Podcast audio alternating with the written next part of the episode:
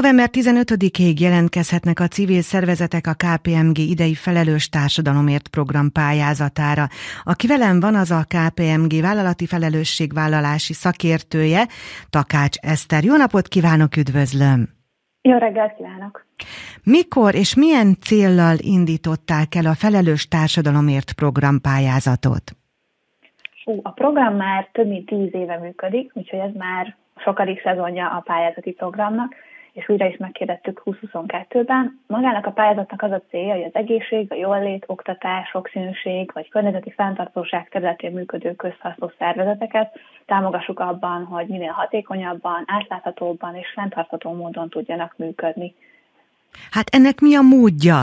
Ez így szépen hangzik, de konkrétan ez hogyan valósulhat meg? Hát gondolom már vannak akkor jó példák az elmúlt évekből. Így van. Alapvetően a pályázat egy komplex együttműködést kínál a, a szervezetek számára. Egyrészt van egy pénzügyi támogatási háttere, ugye az egyénenként a pályázóknak, valamint van egy laptop támogatás, és emellett egy pro bono, amin a legnagyobb hangsúly van. Ugye anyagi ellenszolgáltatás nélkül felajánlja a KPMG, hogy valamilyen szakmai szolgáltatást kínál az együttműködő szervezetnek. Ugye ez lehet nagyon sokféle terület, akár például adótanácsadás, jogi tanácsadás, vezetés, itt lehet gondolni különböző üzleti hatékonyságfejlesztéses szervezés stratégiára, van informatikai lehet, tanácsadásra lehetőség, pénzügyi, HR szolgáltatás, itt például sok esetben a szervezeteknek vezetői coachingot igényelnek, és ezen felül még, amit a leges legfontosabb lehet a marketing és kommunikációs tanácsadás, hiszen nagyon sok szervezetet érint az utóbbi időszaknak a, a kihívása, akár így a támogatóknak a megtartását illetően fontos arra, hogy tudjanak megfelelő módon kommunikálni a saját működésükről. Úgy tapasztalták, Eszter, hogy ezekben a civil szervezetekben ezen területeken van a legnagyobb hiátus vagy hiányosság? Alapvetően igen, talán az a kommunikációs, ez, ez mindig egy nagyon népszerű terület, amire pályáznak a, a szervezetek.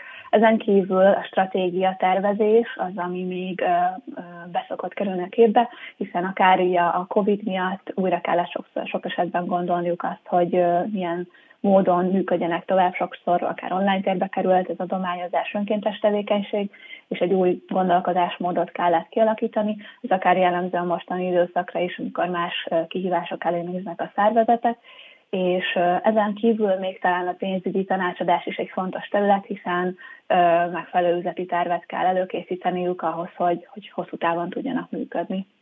Kik azok, akik előnyt élveznek? Elmondta a területeket nagyjából, hogy mely területekről várják a pályázókat, de kik azok, akik előnyt élveznek a pályázatuk benyújtásánál? Igen, a, a programra egyébként ugye Magyarországon bejegyzett közhasznú non-profit szervezetek jelentkezhetnek, és előnyt élveznek azok a szervezetek, akik hátrányos helyzetű gyermekekkel foglalkoznak, az ő egészségüket támogatják, az oktatásukat, illetve a környezeti fenntartóság területén működő alapítványok is azok talán, akik előnyben részesülhetnek, de természetesen korábbi kategóriákból, akár tényleg a, a jólét és a sokszínűség is egy olyan témakör lehet, amely fontos, fontos, hogy foglalkozzanak vele. Hogy kell ezeknek a szervezeteknek pályázni? Le kell írni, hogy mivel foglalkoznak? Így van, alapvetően. Van egy um, pályázati adatlap, amelyet ki kell tölteniük. Nyilván itt a legfontosabb működési információkat meg kell adni a szervezettel kapcsolatban. Ezen kívül kíváncsiak vagyunk arra, hogy milyen um, korábbi projektek vannak, amelyek jól működtek, milyen jövőbeli terveik vannak, milyen kihívásokkal néznek szembe, amelyekre esetleg megoldásokat keresnek. Tehát egy picit bele szeretnénk látni a szervezetek életébe, hogy éppen milyen uh, kihívásokkal küzdenek, és hosszú távon miben gondolkodnak. Ugye a KPMG is nagyon fontosnak tartja azt, hogy olyan stratégiával, olyan gondolkodásmóddal rendelkezzenek ezek a szervezetek, akik jövőbe tekintenek, és pont emiatt szeretnénk olyan kérdéseket is váltani, hogy hogyan látják akár magukat öt év múlva, milyen terveik vannak, milyen akciókat szerveznek akár a fenntartósággal kapcsolatban.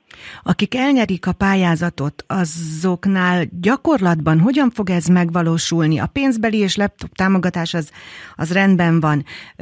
Önök, az önök szakemberei onnantól kezdve hosszú távon felveszik velük a kapcsolatot, vagy átnézik az ő stratégiájukat, és az adott területen egyszeri tanácsot adnak? Nem, ez egy hosszabb távú együttműködés alapvetően. Nyilván egy projektcsapat áll ami a mi kollégáinkból áll, és van egy áttekintés a szervezet jelenlegi helyzetének, és ugye, hogy a pályázatban is megjelölik azt, hogy milyen problémában szeretnének megoldást találni, mi ebben segítünk, de alapvetően ez egy együttműködésen alapszik, tehát a szervezetnek is ugyanúgy lesznek feladatai, amiben egy ilyen támogatást biztosít a, a vállalat. A projektben meg van határozva, hogy körülbelül hány óra számban lehet támogatást igényelni, és ennek megfelelően, ahogy akár az adott projekt periódus kialakulásra kerül, így lesz meghatározva az, hogy akár egy fél éven belül, vagy pár hónapon belül milyen célok vannak abban, hogy a, a projekt meg tudjon valósulni. És ez így közösen kerül meghatározás, meghatározásra a szervezet és a, a mi kollégáink, a Probono támogató szakértők körében. Eszter, említenen néhány olyan szervezetet a múltból, akiknél nagyon szép látványos eredményeket tudtak elérni? Abszolút. Együttműködtünk például a Lemadon alapítványjal, ők, ők például a kommunikációjukat szerették volna fejleszteni, és egy nagyon szép új bemutató anyagot készítettek el.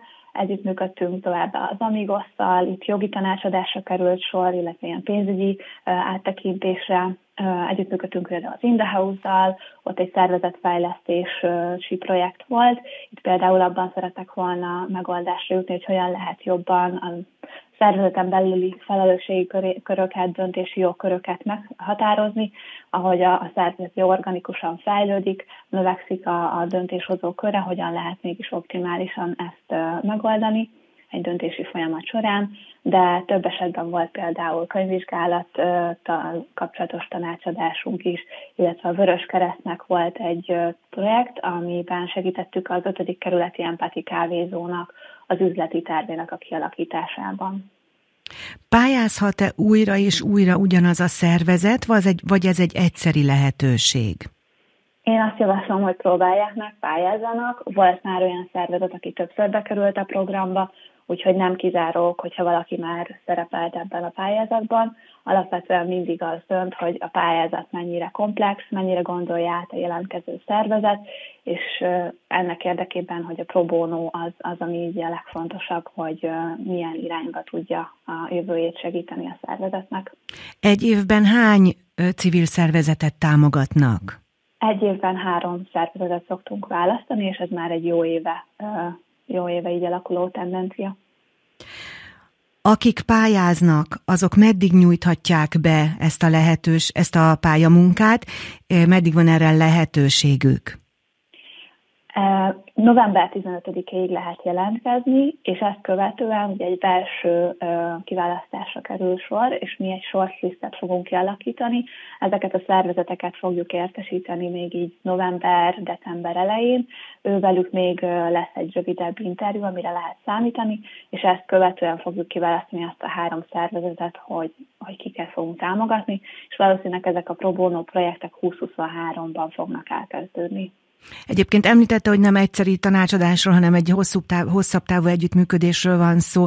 Kialakulnak ilyenkor olyan kapcsolatok is, hogy akár több évre visszamenőleg tartják a kapcsolatot, és segítik a, egy-egy szervezet munkáját, hogyha nem Igen. is a pályázat keretében? Igen, igen. Ugye a KPMG hosszú évek óta kiáll az önkéntesség fejlesztése mellett, és azokkal a szervezetekkel, akikkel valamilyen úton, módon kapcsolatba kerülünk, sok esetben visszahívjuk őket, Sokszor akár a munkavállalók mennek valamilyen önkéntes feladatot elvégezni a szervezetekhez, de akár belső beszélgetésekbe, inspirációs programokra is meghívjuk őket, hogy picit szemléletformálással a kollégáinkat segítsék, kommunikációra, beszélgetésre invitálják őket. Úgyhogy abszolút mondhatom, hogy hosszú távú együttműködések szoktak kialakulni ezekből a, az együttműködésekből. November 15-ig jelentkezhetnek a civil szervezetek a KPMG idei felelős társadalomért program pályázatára, amelynek célja az egészségügy, az oktatás, a sokszínűség vagy a környezeti fenntarthatóság területén működő közhasznú szervezetek fenntartható, hatékony és átlátható működésének támogatása. Takács Eszter, a KPMG vállalati felelősségvállalási szakértője volt itt velem. Köszönöm szépen! Köszönöm szépen!